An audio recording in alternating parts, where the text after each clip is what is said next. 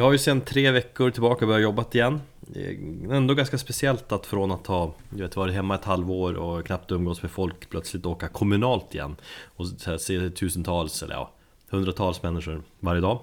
Och du hatar det redan. Nej men jag, jag känner mig så här eh, irriterad på saker som jag kanske inte borde.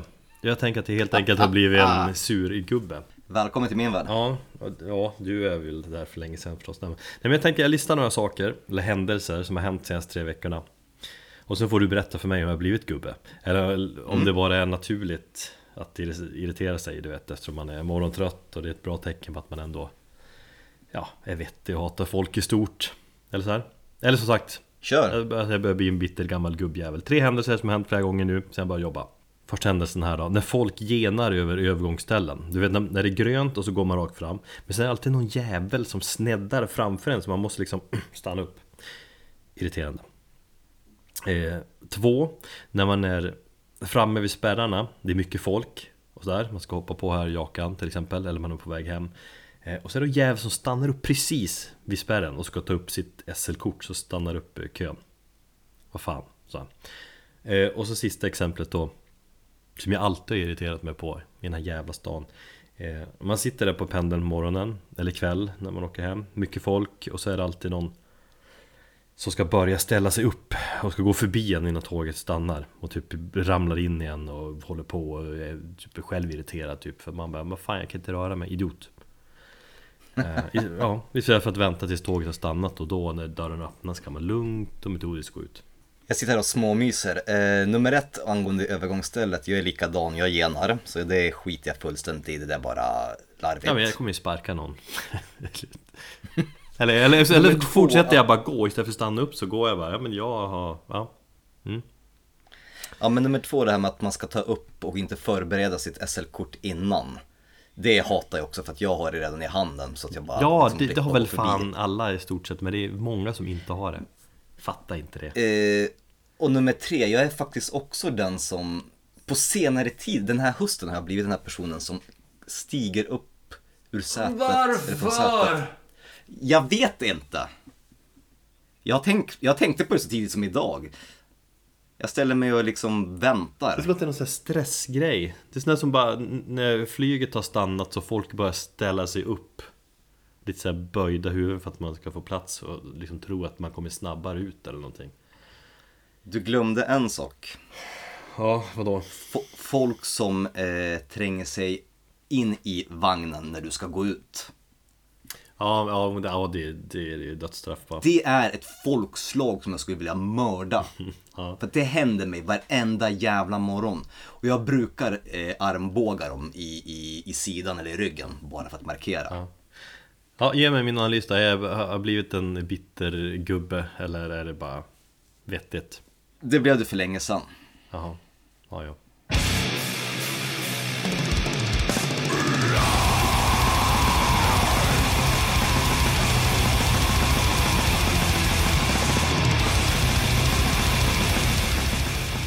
Hej och välkommen till Metalpodden avsnitt 82 Hej hej! Jag heter Erik och du är Thomas Ja, jag stretchar lite grann här också. Oh, jag har varit ute och sprungit så måste stretcha dagen efter Jag har träningsverk men ja, Ja, läget då?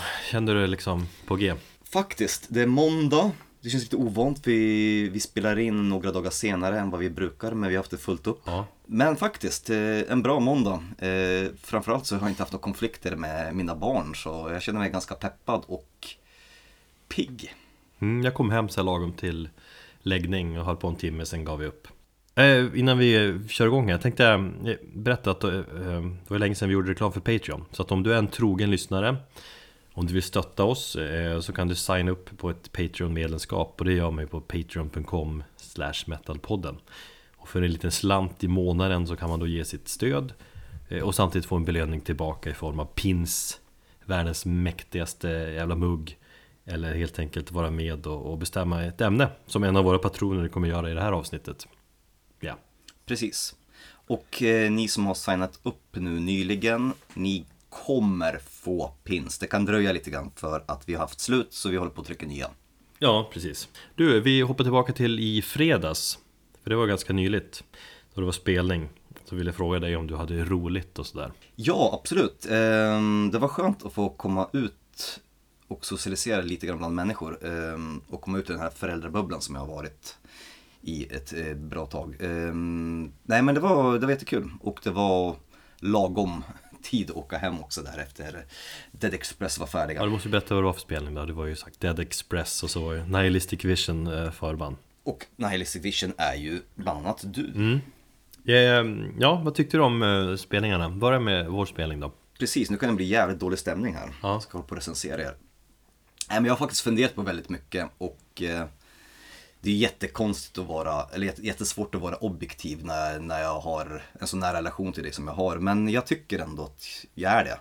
För hade ni varit riktigt kassa så hade jag nog ansett att jag kunnat säga det för att vi har en så pass tajt relation. Jag gillar att du var så här broderlig precis in, fem minuter innan Liksom, när man bara Fan, adrenalinet, nu, nu jävlar nervöst och sådär Och så du då bara eh, Eller jag vet inte om du var peppande alls För du bara, fan jag är, jag är orolig tänk, tänk om ni är jättedåliga Tänk, tänk om du spelar jättemycket fel Istället för, istället men för att jag- peppa jag och säga bara kör hårt nu för fan Då stod du där och var ängslig liksom Ja men alltså det var ju lite, du får ju se det på, på, från, en, liksom, från en annan vinkel. Att det var ju mer att jag delade kanske, ja, du var ju för sig inte nervös, men jag var nervös för eran skull.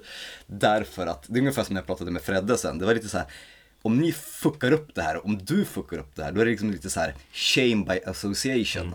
Och då är det ju skämskudde för mig. Nej, men så här är det. Jag har ju hört lite grann av er musik tidigare. Jag har sett era replokalsinspelningar när ni håller på och leker där med ja, rökmaskinen och allting. Och jag har alltid haft intrycket av att det är ganska så oseriös nivå. Plus att ni sa själv, eller du sa att ni är glada amatörer. Ja, det är vi ju Och sen när ni kliver på scen och drar av de här låtarna så alla som var där, både Niklas, Kim, alla, alltså ni var svinbra och för att vara glada amatörer så var ni ju allt annat än amatörer.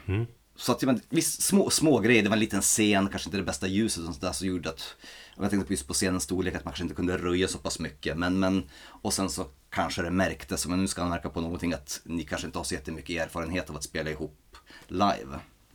Nej, det var Men vår första det- spelning så att ja Ja, ja, absolut, men ni har ju spelat i andra band tidigare så att ni har ju, ni är ju duktiga Ja, musikaliskt. ja alltså det var 11 år sedan jag stod på scen Det är fan lång tid Ja, ja, men vad fan. Nej det var Ja, sjukt Du, har en, du har ändå någonstans i blodet, det är som att lära sig cykla ungefär. Ja, något sånt. Det var sjukt kul i alla fall. Jag är, ja, men det, det, det gav mer smak. Det är skönt att få, det är det Ja. adrenalinet, just det där jag har saknat som fan. Eh, att få en kick. Och så var det kul att få bra, jävligt bra respons efteråt, så gjorde oss, vi blev lyckliga. Eh, Ja, Men det, det tycker jag att ni ska ta, ta, ta åt er för att ni var faktiskt, eh, alltså just musikaliskt, jag tänkte så här, men okej, groove, sludge metal från Stockholm. Men alltså, det lät ju jävligt hårt, det var ju väldigt mycket, det var ju mer liksom Nola än vad det var någon form av groove. Visst fanns det lite sväng där. Eh, någonting som slog mig och eh, all the homo in the world, det var hur snygg du var på scen. ja.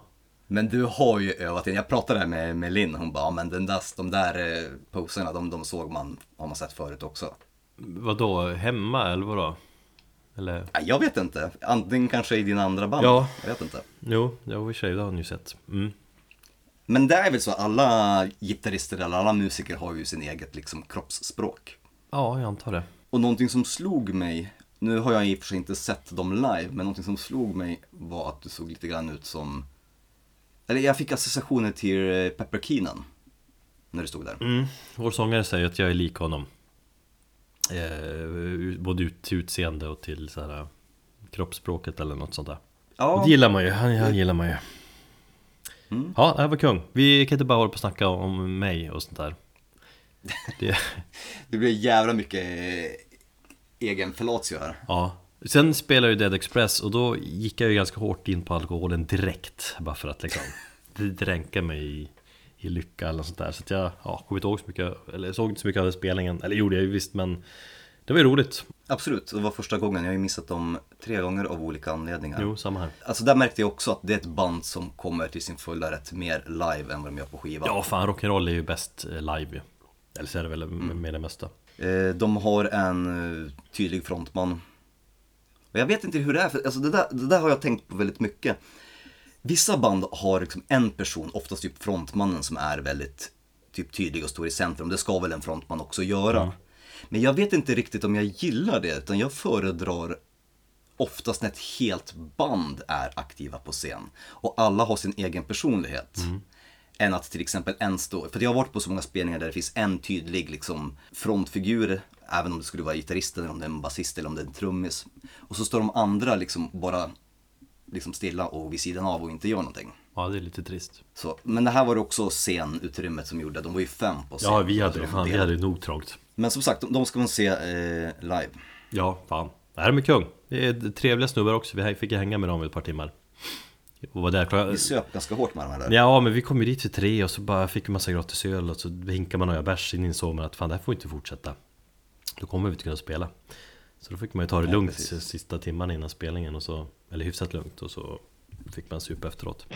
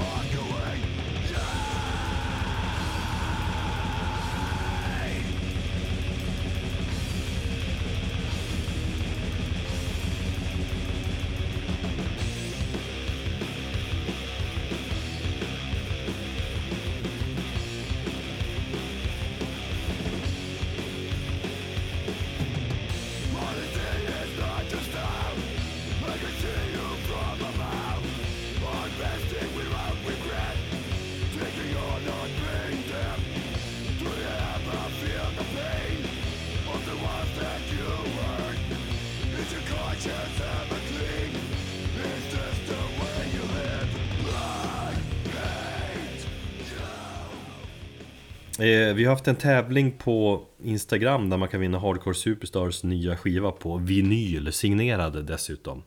Det är sånt man missar om man inte följer oss på sociala medier, eller hur? Stämmer bra det. Så gör det, det kommer fler eh, tävlingar framöver också vad jag vet. Ja, vi har en på G här alldeles snart. Hardcore Superstar. Låt oss snacka lite om det bandet, vad har du för förhållande till dem? Noll. Ja men du har ju något förhållande till dem. Alltså, Att jag, inte, att jag inte gillar dem. Ja, till exempel. Eller den här en känd låt någonstans från ZTV-tiden. Ja, nu minns jag inte vad den heter, men det- var, det var, du vet säkert vilken jag pratar om. Någonstans att slutet av 90-talet, början av 2000-talet. Ja, de har hållit igång jävligt länge, över 20 år. Och jag kan väl medge också att jag var inte alls särskilt förtjust i deras tidigare skivor, deras eh, voxpop-år eller vad man ska säga. Someone Special. Mm. Det är typ den låten jag har hört. För det är fan, det är, du är så jävla märklig där på något sätt ändå. Ja, det är ju... Varför då? Ja, men att du inte har... Fan, det är ju ändå ett eh, stort rockband. Jag tyckte jag ändå borde ha hört, lyckats höra mer. Men det är rock. Ja, det är ju för fan sleaze metal. Ännu värre. Ännu bättre.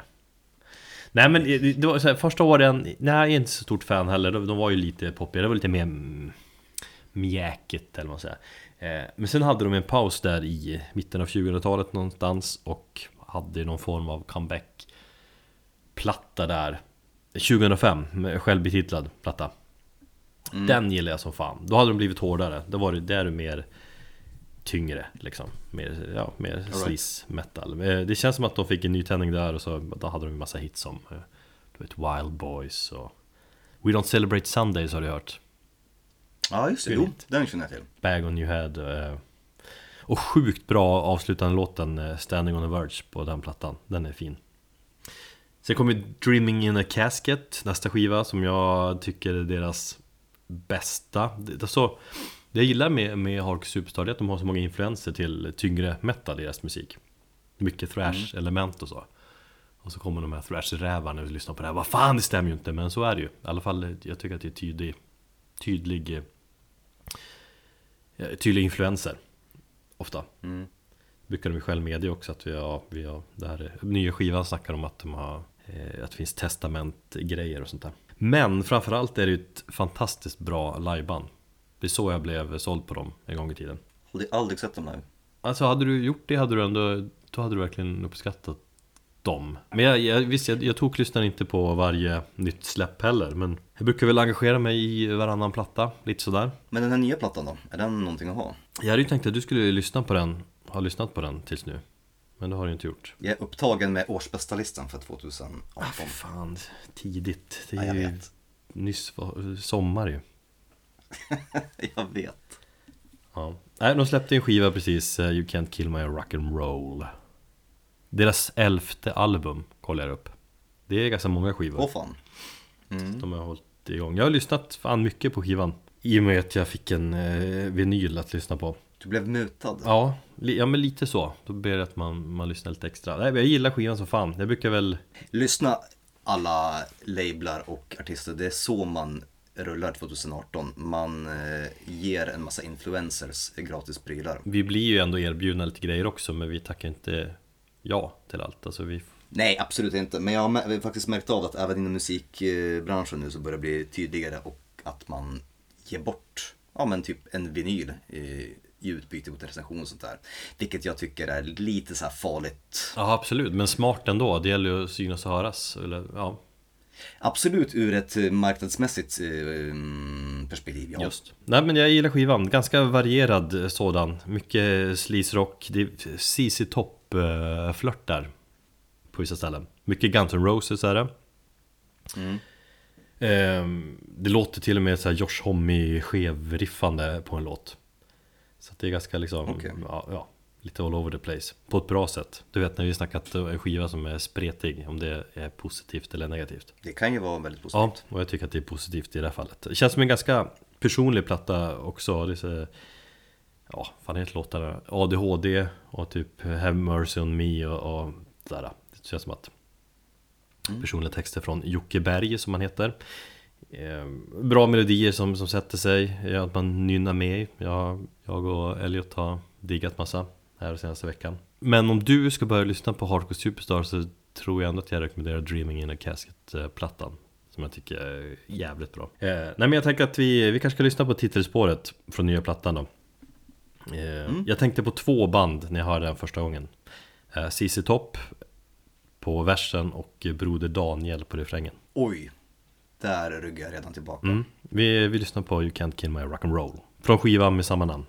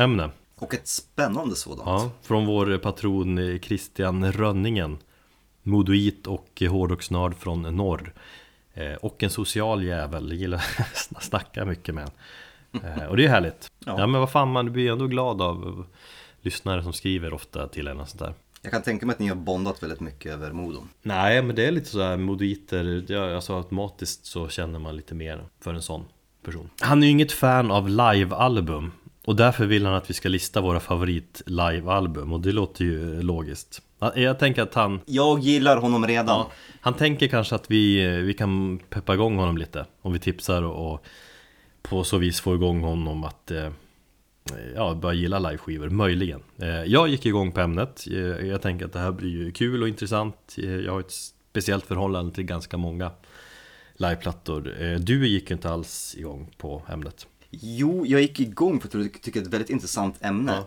Av den enkla anledningen att du och jag har totalt skilda förhållningssätt till det här. Ja, Du har en relation och du har du har någonting att säga och du har en speciell förhållande till livealbum medan jag inte har det överhuvudtaget. Vilket betyder att jag inte har mindre att säga om det. nej, ja, det är sant. Det blir fan bra kanske. Ja, så jag tror att vi kommer vara varandras motpoler. Och det första som jag faktiskt vill ställa dig och eh, lyssnare, ni får jättegärna kommentera mm, efteråt sen. Alltså vad är grejen med li- livealbum? Alltså jag diskuterade ämnet med min eh, svärfar igår. Han gick igång som fan på ämnet, jag skulle förbereda det här men det, han bara fortsatte babbla. Eh, Han började googla gamla favoriter och sådär och ja, nej men det, var- det var kul att snacka, han hade en period på 70-talet och han bara, hade, eller bara lyssnade på, på liveskivor För han tyckte att det var det som var äkta Eh, då fick han veta hur ett band verkligen lät och då han kunde fantisera om att han var där och på plats och ta in känslan. För det är ju ändå så att livemusik, det är ju det, det som är grejen. Hög jävla, hög jävla volym, ett hav av människor som förenas av musiken, det är vackert, det är hårt. Eh, sen, visst, ett al- livealbum kan ju aldrig jämföras med, med, med att liksom i verkligheten uppleva ett band på plats. Eh, Nej, precis. Men jag tänker ändå att man kan, man kan få uppleva en liten del av vad hela live-grejen erbjuder. Eh, och så kan man lyssna på dessa så här live-ögonblick, magiska live-ögonblick, om och om igen. Alltså jag är ju inte dummare än så utan jag förstår ju att det finns väldigt många väldigt populära och klassiska mm, livealbum. Ja. Och en hel del som jag liksom har, kanske inte hört men jag åtminstone känner till. Jag tänkte på Kissa Live 2 var det första som slog mig. Nej men jag tänker en annan aspekt av live-album, det är ju Eh, om man jämför med studioalbum, att de bästa, intressantaste liveskivorna, de tar ju ofta studioversionerna och eh, ja, gör om dem eh, så att det blir, man får en annan version av dem. Det är lite coolt. Jo, men samtidigt så tycker jag att jag, jag kan köpa det här som din svärfar sa om att, att det var true på något sätt. Men alltså, livealbum tycker jag inte, kommer ju aldrig någonsin fånga ett band i dess rätta ögonblick. Därför att du kan ju liksom inte ta känslan av en livespelning och överföra den på ett fysiskt medium och få samma, samma resultat. Nej, inte till 100% men en del av den får man ju. En liten del av magin får man ju. Nej, jag, nej jag, jag köper inte att man får den faktiskt. Eh, Jag kan förstå folk som tror så och tänker så att ja, men jag får i alla fall en liten del av, av, av bandets live Men jag känner inte så av, på de, av de få livealbum som jag har lyssnat på. Nej. Därför jag tycker oftast att ljudet är ganska dåligt. Och jag vet inte om det här kanske har något med att jag har just en så pass kass relation till livealbum. Men jag tänker på den enda, det en, jag äger två stycken livealbum. Eh, och det är dels eh, In Flames Tokyo Showdown från 1999. Som jag har på CD, signerat dess- dessutom. Som är kanske det kassaste som jag har hört i, i ljudväg. Det, det låter liksom som allting i någon demoinspelning som är liksom, med en publik som är liksom ditsatt efteråt. Ja. Ungefär du vet som man spelar in eh, amerikanska komedier in front of a live audience. Eller att man lägger på laugh tracks. Ja, det finns ju, så, finns ju sådana exempel. Det låter ju nästan som en bootleg. Alltså är det en, det är en Ja, officiell... det är ju inte, det är ett, offic- det är ett officiellt släpp. Ja. Nej men det finns, det finns ju Eh. många, det finns många dåliga livealbum också som kanske inte Som inte tillför någonting och, och som låter dåligt och det är Det är ju tråkigt, alltså Livealbum ska ju släppa fram en ny cool sida av bandet eh, Och, så, och sådana som inte tillför någonting och låter dåligt och allmänt trista det, är- det är ju bara onödigt och dumt, ska ju sänka ett band på vissa sätt Jag, alltså, just nu så tycker jag att det sänker lite grann när jag tänker tillbaka på Inflames. Men, men just då, när jag var den här största fanboyen Mm. och, och stod där med, med Eh, skivan i, i handen i typ någonstans i Skövde var det utanför Pingstkyrkan och där de hade en meet and greet och eh, de skulle signera plattan. Och så, då, då, liksom, jag köpte ju det och jag minns att jag ville så jättegärna tycka om skivan och liksom ljög för mig själv att den är bra. Men så här, några år efteråt bara, alltså det här låter ju katastrofalt dåligt. Ja, det kanske var ja, ett dåligt exempel en dålig absolut, liveskiva Absolut, det är det. Men sen, alltså liveskivor, man, man säger att det är äkta och så sen, Men sen brukar det ju diskuteras hur pass mycket live Liveskivor verkligen är. Alltså det finns ju många liveskivor som man fått reda på efteråt Att de är fixade i studion. Det är pålägg med sång och fix och tricks för att det ska bli mer perfekt. Så man, då kan man ställa sig hur, liksom, frågan hur, hur live ett livealbum egentligen är. Klassiska Kiss uh, livealbumet där till exempel, Alive den, Där har det ju snackats om hur fixat det är i efterhand. Eller Thin Lizzy's Live and Dangerous som är jävligt bra livealbum Det ska ju vara grejat med hur mycket som helst i efterhand Nej men för fan vad, vad trist. Ja men alltså om man inte vet det och så här. Eller, eller ta ett, eh, snacka ett band som jag gillar en del av, Metallica SNM-plattan Mm. Att det inte riktigt, och det är ju liveplatta för det är lite speciellt Men den är ju jätteklart grejad med i efterhand också Är den det? Ja Ja, det kanske är. Alltså, för mig så är ett livealbum kanske ett nödvändigt ont som ett band måste släppa och som de oftast kanske släpper mellan två stycken vanliga releaser bara kanske för att Ja, inte vet jag, eh, hålla mm, intresset uppe bland fansen Ja. om de inte har något nytt material. Det kan vara en klausul eller en del i ett kontrakt bara för att ja, men vi har en skiva kvar på bolaget. Ja, men vi släpper en, eh, en, eh, ett livealbum sen går vi vidare. Så att, jag vet jag jobbar med ehm, eh, en label som specialiserar sig på att bara släppa eh, livealbum Ja, på CD. Eh, gamla så här klassiska spelningar från 70-talet. Vi snackar om band som kanske Guns N' Roses, Metallica bland annat. Eh, mycket så här 60-70-tals band. mm. Och då är det oftast, eh, själva samlingen heter Transmission Impossible. Oftast, eh, på CD är det oftast tre stycken CD-skivor. Och det är tre årtal. Och band, bandet är tagna från en viss period. Liksom. Ja, men här är från den här perioden med ACDC när de har den här settingen och så vidare. Så man får, man får, jag kan förstå då att då får ju till exempel lyssnaren en möjlighet att kanske se hur bandet låter över en tioårsperiod. Det är en, eh, de ganska intressant eh, grepp ju Ja absolut och att det här kanske, ja, men den här klassiska spelningen 1972 på, vad fan vet jag, Madison Square Garden whatever liksom. Men det kommer ju aldrig någonsin, för mig som, som sitter där, men jag känner totalt noll intresse av att höra ett band hur de lät innan jag ens var född. Var du inte där på den spelningen, ta flack, du missade den. Fast vad fan, så kan man inte tänka Alltså jag, jag, när, jag, när jag snackade med svärsfarsan så var, vi pratade gamla liveskivor, 70-talet, han älskar Scorpions Tokyo Tapes exempel. Vad heter In Flames? Tokyo? Eller, Tokyo Showdown. ja. eh, men han är ju stort fan av den där eh, Scorpions-plattan och vi snackar Deep Purples klassiska live in Jap- Japan, Jap, Jap, fan, Japan, Jap.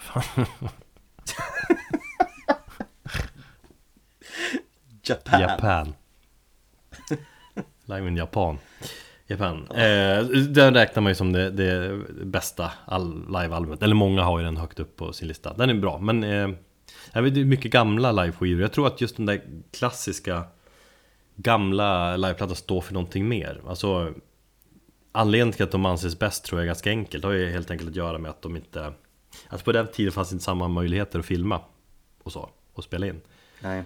Man visste fan knappt hur bandet såg ut och så släppte de en liveplatta så fick man en inblick i hur bandet är live och, och idag ser det ju helt, eh, ja, men helt annorlunda ut. Tänk varje metalfestival i Europa typ streamar ju sina konserter. Eh, Så man kan ju se tusentals livespelningar på Youtube. Metall spelas in idag. Och då blir det inte liksom lika kul, det blir inte samma mystik och därmed inte lika intressant. Och då har det liksom tappat sin, sin grej på något vis. Ja, en fråga till dig. Eh, är, det känns som att livealbum är kanske lite mer förbehållet hårdrock och rock än annan musik. Kan det stämma? Ja, ja det känns som så va? Ja, ja jag, jag får det intrycket. Mm. Men jag kan ju ha fel. Ja, nej men det känns ju som det I regel folk som är- spelar liksom instrument Men vad är liksom egentligen rådande bland hårdrockare? Ska man som hårdrockare gilla? Ja! Ja, tur att jag inte är en hårdrockare. Mm. Nej men fan, man får väl tycka vad man vill Men jag tycker att det finns mycket charm med, med eh, live-album Jag gick ju, när jag fick det här ämnet, jag gick ju ner till min CD-samling i källaren Och blickade en del på den och även på min vinylsamling också ju Så tog jag fram en massa liveplattor som jag har eh, Och valde ut de som jag tycker är bäst. Eller de som har betytt mest för mig av olika anledningar då. Sen när jag kollar på vilka jag valde i slutändan så måste jag ändå säga att eh, Det är ju band som även tillhör mina ja, men toppband allmänt i princip. Ja, Och det är väl kanske logiskt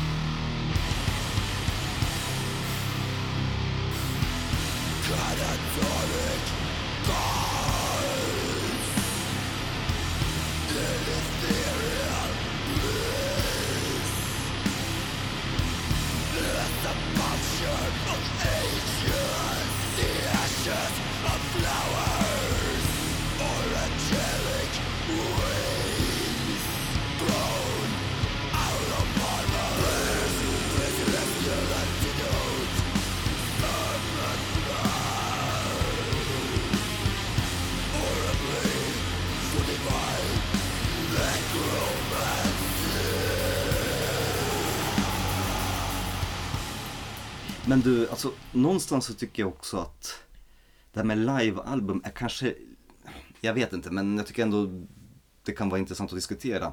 Eh, Konsert-DVDer. Men jag minns den här, den här totala liksom, eh, vad ska jag säga, ja, men när, när band bara kastade ut sig live-DVDer. Allihopa gjorde det i början av 2000-talet. Och jag köpte ju fan, jag vet inte hur många live-DVD jag har. Jag har alltså Mastodon, Catatonia, Opeth, In Flames, Dark Tranquility. Otroligt många som jag bara köpte. Sen bara, jag har nog fan aldrig sett någon fullt ut. Nej, men det, det, det är lite grann samma sak som, som med live-album. De få, i, alltså så som jag resonerar, att de fångar ett ögonblick. Visst, det kanske kan vara roligare att se någonting i bild än att bara höra det. Men jag tycker fortfarande de fångar någonting som jag, jag inte känner direkt att jag behöver återuppleva en gång till. Men vad konstigt att du ändå köpte en massa För jag har ju också hur många live-DVD-er och Blu-ray som helst in- Ja, ja, ja. Och just vid den tiden Nej. där början av 20-talet fram, alltså vi kunde ju ha efterfester, bara vi slog på den där live-DVDn och vissa live-DVD kunde man ju se hur många gånger som helst Jag köpte dem mest för intervjuer, mest för att stötta banden, för att jag var fanboy. Eh, Och sen kanske mest för att man fick massa påskägg eller typ eh, exklusivt material som inte fanns att få tag på någon annanstans. Mm, jo det också, men eh, nej Framförallt själva live-videon det, var ju, det hände ju väldigt mycket där också med Sagt när DVDn kom och man kunde välja olika vinklar och, och se dem i och sånt där Och sen kom Blu-ray Mm. Och det blir bättre och bättre ju- kvalla Man tänker hur fan långt ska det här gå? Det var coolt Jag har ju Dark Tranquility, en, den heter, ja, nu minns inte vad den heter, men den är i alla fall inspelad i Polen.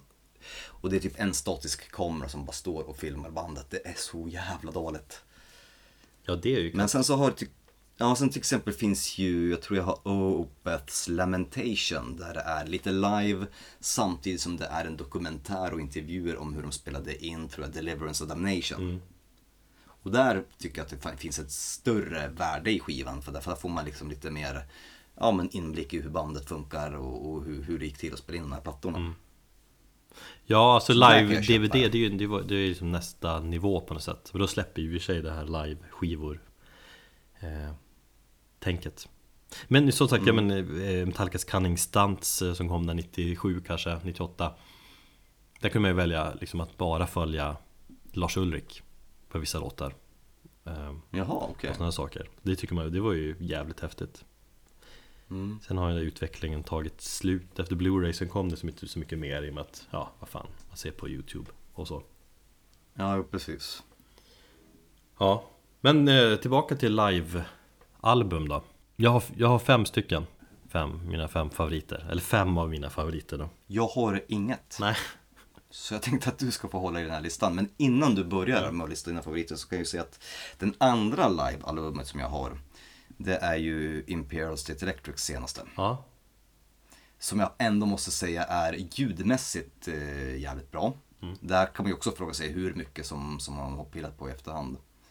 Men överhuvudtaget så känns det som en väldigt gedigen mm, liveplatta. Men det är mest kanske bara för att mm, Nicky Andersson inte lämnar någonting åt slumpen. Utan han tänker efter när han gör någonting. Ja men vad är det du gillar med den mer konkret då? Varför liksom, känner du att... Alltså jag, bara, jag har lyssnat på den eh, en gång bara. Nej, men jag tyckte att när jag satte på den så tyckte jag att det här kändes, den kändes genuin. Jag tror problemet med dig är att du har lyssnat helt enkelt på för lite live-album Det, kan, det, kan, det kan mycket väl vara så. Ja, Men jag, kan, jag vet i alla fall när jag, när jag lägger till ett bands diskografi till exempel på i, ja, i en spellista på, på Apple Music eller på Spotify så brukar jag oftast ta bort live-låtarna. Ta till exempel, vad fan är grejen? Conans senaste skiva. Mm. Sju studiolåtar, fyra eller fem stycken live-låtar. Vad fan? ja men det är just Fan jag blev irriterad. Ja men det är ju extra spår ju Ja men... Bonus, Lägg till eh, tre, Grejer, ja ja men lägg till tre ordentliga studiolåtar till. Nej, sju är bra Nej men det är så här, de tog, de tog jag bort mitt, ur mitt digitala bibliotek. Jo men det gör man ju, det ingår ju som i det riktiga studioschema Men det är ju lite så här bonusmaterial får man ju se det som ja, det känns mest som att de hade sju låtar och de visste inte hur de skulle fylla ett album. Så att, ja men då tar vi, i och med att eh, albumet är på, alltså ordinarie speltid är typ 34 minuter. Så då har de ju en B-sida att fylla med ganska mycket. Ja, det var i alla fall min rant. Ja. Få höra på, på dina topp fem eller vad det var. Ja, något sånt. Fem stycken. Vi börjar med en riktig klassiker. Året var eh, 1981.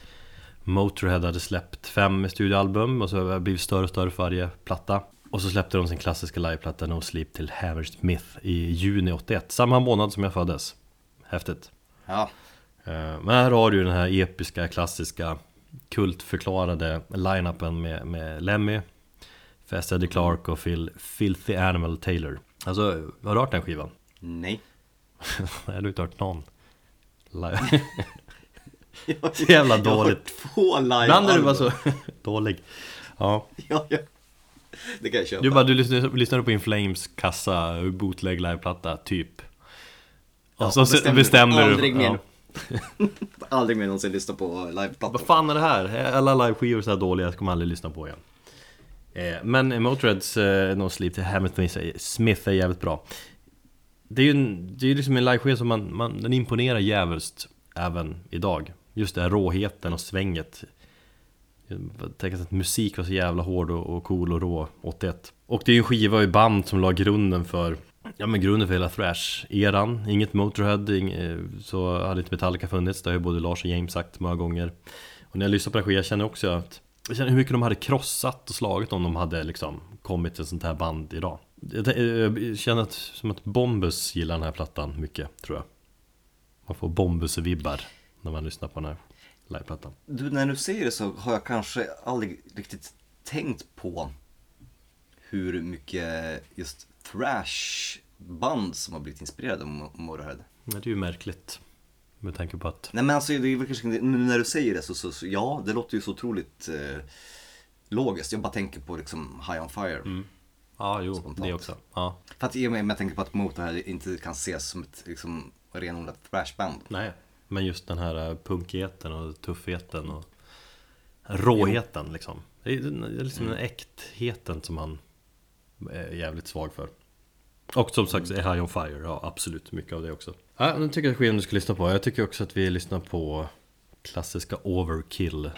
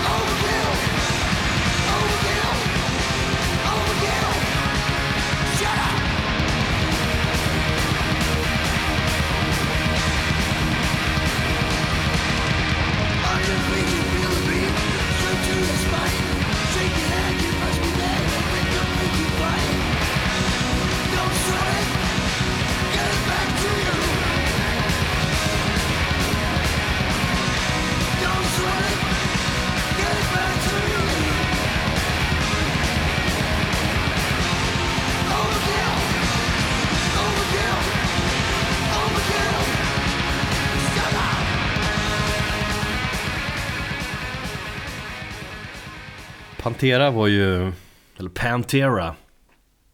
Det var ju mina stora hjältar. Pantra. Pantera Säger man ju inte. Eh, Det är mina stora hjältar på från 90-talet De har ju snackat mycket om. Hade sin krossande groove metal på skiva. Men Samtidigt fick man lite, lite annan syn av bandet i live-sammanhang. Eh, Det är mycket det också, att man, man lyssnar på ett band på deras studioalbum. Och så sen lyssnar man på liveversionen och tänker att fan det här är här låter ju annorlunda Det kan låta, man kan tycka att det låter bättre eller låter sämre men det ger en annan syn av bandet Och jag menar ett band som inte kan spela live, alltså det är ändå, det är ändå live som är hur ett band låter Jo, precis. Och det kan jag faktiskt gilla när en låt som man känner väldigt väl i ett studionsammanhang helt plötsligt får kanske ett lite annorlunda sound när spelas live bara för att man är mer spontan. Ja. Och kanske improviserar och sånt där. Eller ett superstudioband liksom, som har hur mycket grejer som helst och pålägg som helst och Låter helt perfekt i studion. Men sen när de spelar live så låter det bara röv. Då får man inte heller någon respekt för, för bandet. Men eh, Pantera har sagt, de, de, man, de lät på ett speciellt sätt eh, på skiva eh, Och så sen live då bara man fick en annan syn, hur de var, man kollar in deras home videos som de släppte också. Och man bara oj, de är ganska de är ganska partyglada och eh, galna. Jag minns hur min polare Hampe sa typ att alltså, jag, jag gillar ju Pantera men jag, jag trodde inte att de var så sjuka i huvudet ändå. Ja men det var ju härligt. Och lite barnförbjudet och så. Mm. Och live, de släppte ju liveplattan Official Live 101 Proof 97 Och som jag var inne på tidigare just med liveskivor så de gör ju om låtarna lite grann De blandar in delar av andra låtar. Kastar in kanske mitt i eller på slutet eller sånt där Och Dimebag framstod ju som ännu mer jävla genialisk gitarrist när man lyssnar på live-spår För han tar, ut, han tar ut svängarna lite mer, det blir lite mer Ännu mer groove och övertoner och, och sådär. Och så vet man att han är oftast ganska full men eh, hur bra som helst på spelaren då Men så var de lite mer loose på något vis så det, det är mer jammigt. Och Phil Anselmo är en bra hetsare. Dope-förespråkare som fan. Det är mycket såhär bara Smoke fucking dope. Eat fucking pussy Drink white wine. White power. Nej, det sa han inte då. Eh, Men mycket dope är det på här, snack är det på den här eh, liveplattan. Och då känner man som tonåring att ja, dope. Fan, det är coolt. Vi lyssnar på eh, I'm broken. Eller vi lyssnar på groovet i I'm broken För det är ännu mer svängigare på något sätt live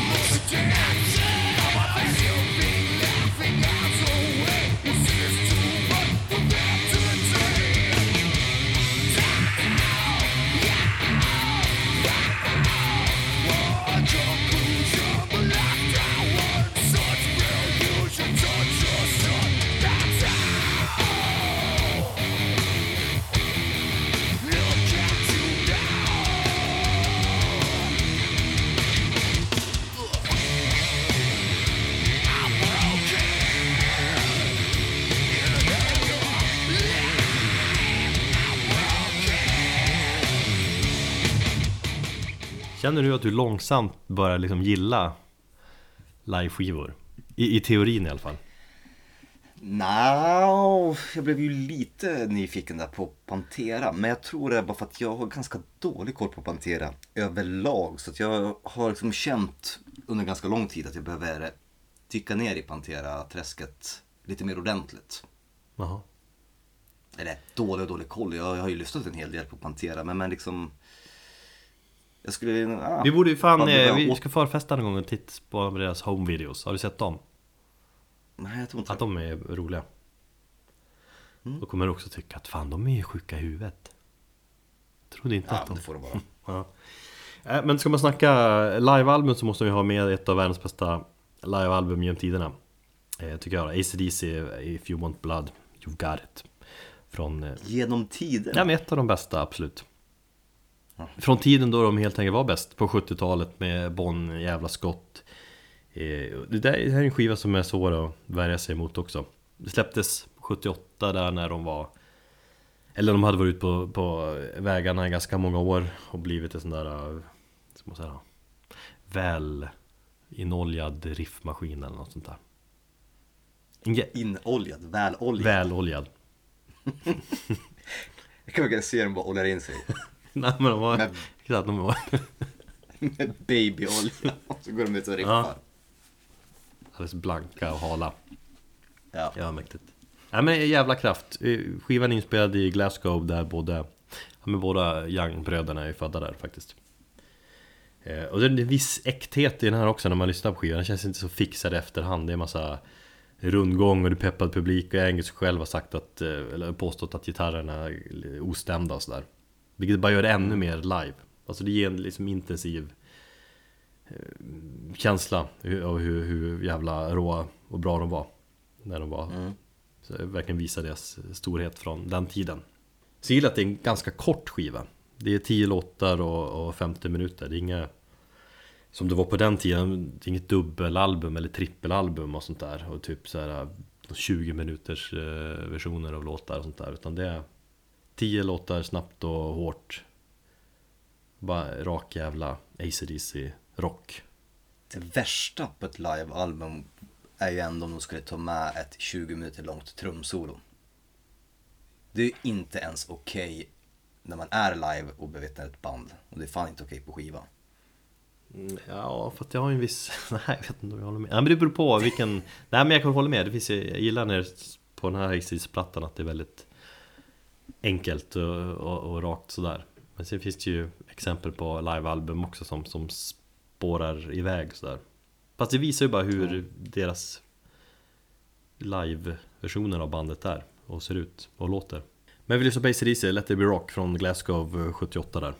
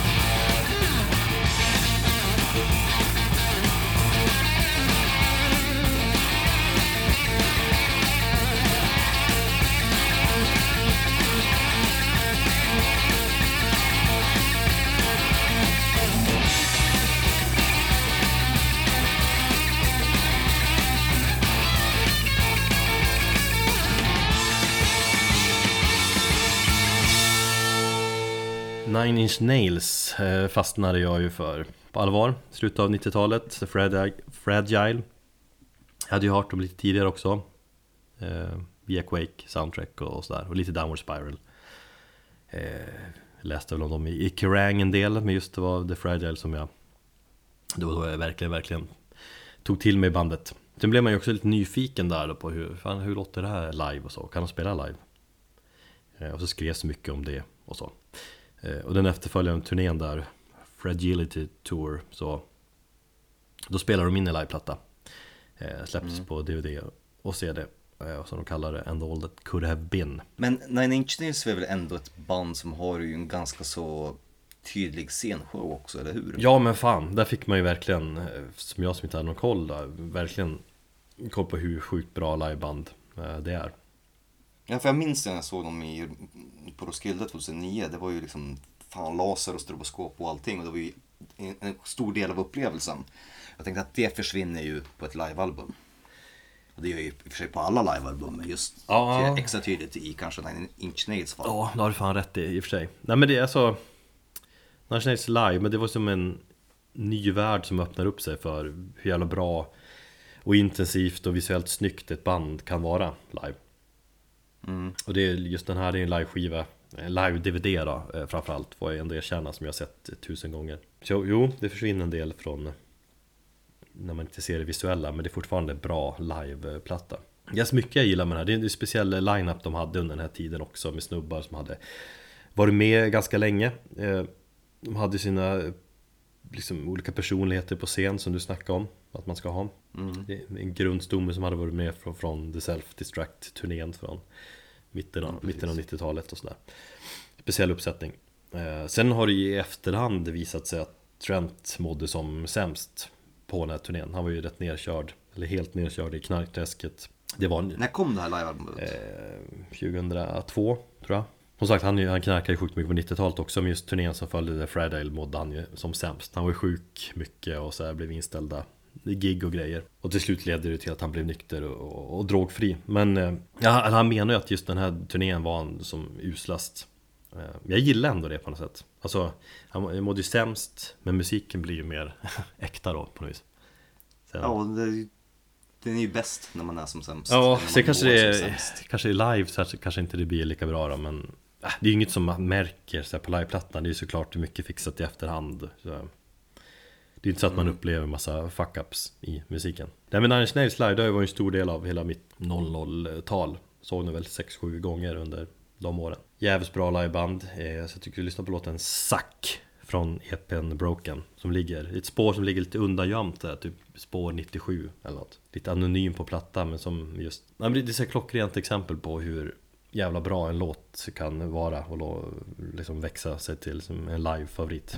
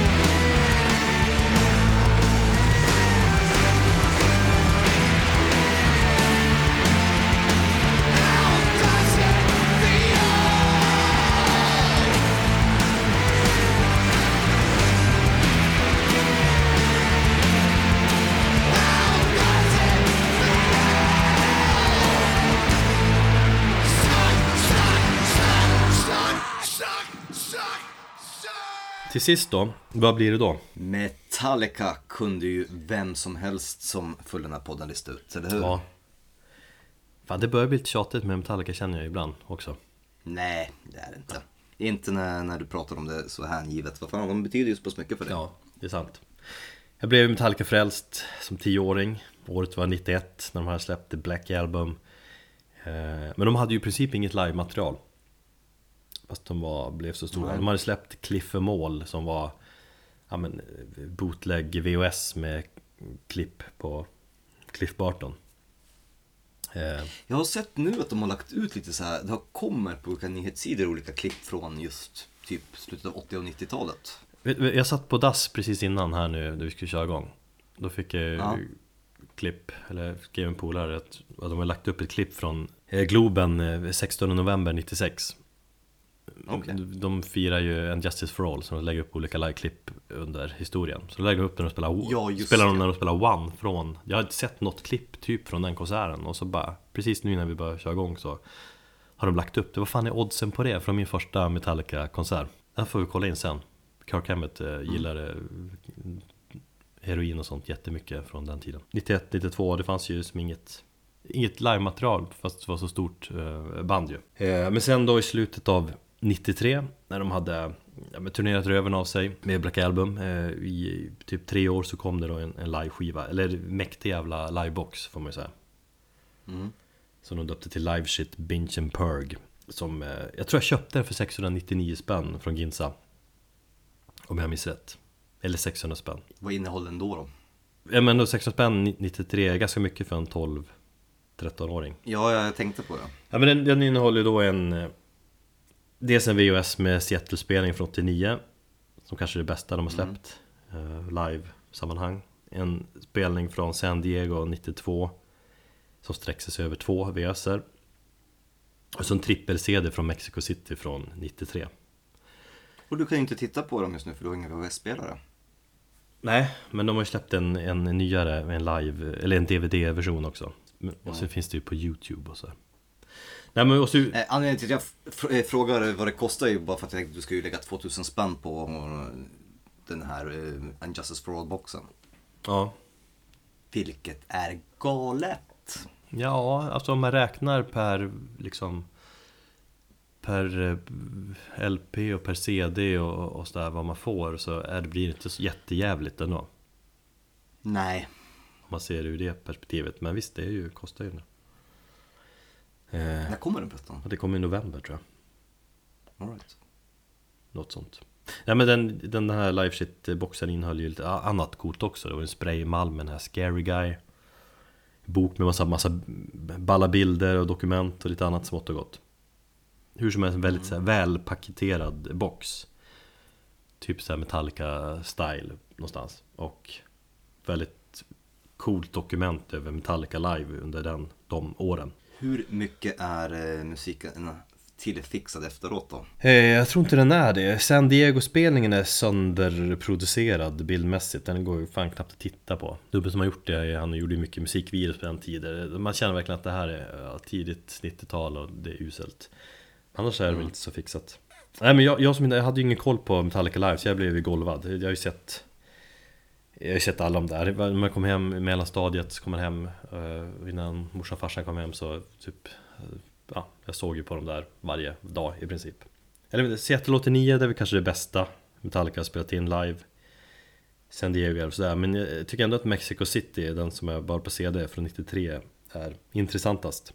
Den är inspelad på Ja men i slutet av en gigantisk turné där Som har gjort dem till världens största hårdrocksband eh, Spelning på typ, jag vet jag, tre timmar tror jag Bjuder på ganska mycket är ett medley på en Justice for All låtar och solon, det är ett, eh, ett spår som ett solo som är bas och gitarrsolo som är 20 minuter långt Nej fy fan. Ja men det är fan det är tidsdokument någonstans, för de spelar inte sånt längre Eller nu är det Kirk Nej. och Rob Trio som skämmer ut sig varje konsert Med att slakta eh, Celtic Frost i Schweiz. Ja, exakt. Men sen har du ju Hetfield, han pikar ju någonstans i sin Mighty Het eh, personlighet här också Mm. Just efter tre år lång turné, de har skilt sig och de, det känns som att de är Ja men de är lite less kanske de, Lite förstörd. Ja, lite förstörda. Han är ju Han svär extra mycket, han är lite halvdryg, kaxig, han gillar sin öl Och så har han en jävla pondus Som pikar där någonstans Jag minns att jag klippte ihop allt mellan snack från den här Mexiko-spelningen Och så spelade jag in det på kassett Så det är bara 10-15 minuter med James som hetsar och, och peppar och så Kan inte du eh, ta fram den någon? Jag har letat den den? Nej, eller jag hittade den inte i Evik när jag letade den förut Men det var kul Fan, Ja det här var kul att höra. Jo. Men ja, ja, men jag tänkte att vi avslutar det hela med att eh, man kan luta sig tillbaka så lyssnar vi på när Metallica spelar i inomhusarenan eh, Palacio de los Deportes inför 26 000 pers. Och det här är liksom sent i sättet när James ska peppa igång publiken. Och med det så säger vi väl också tack för den här gången. Lev och må.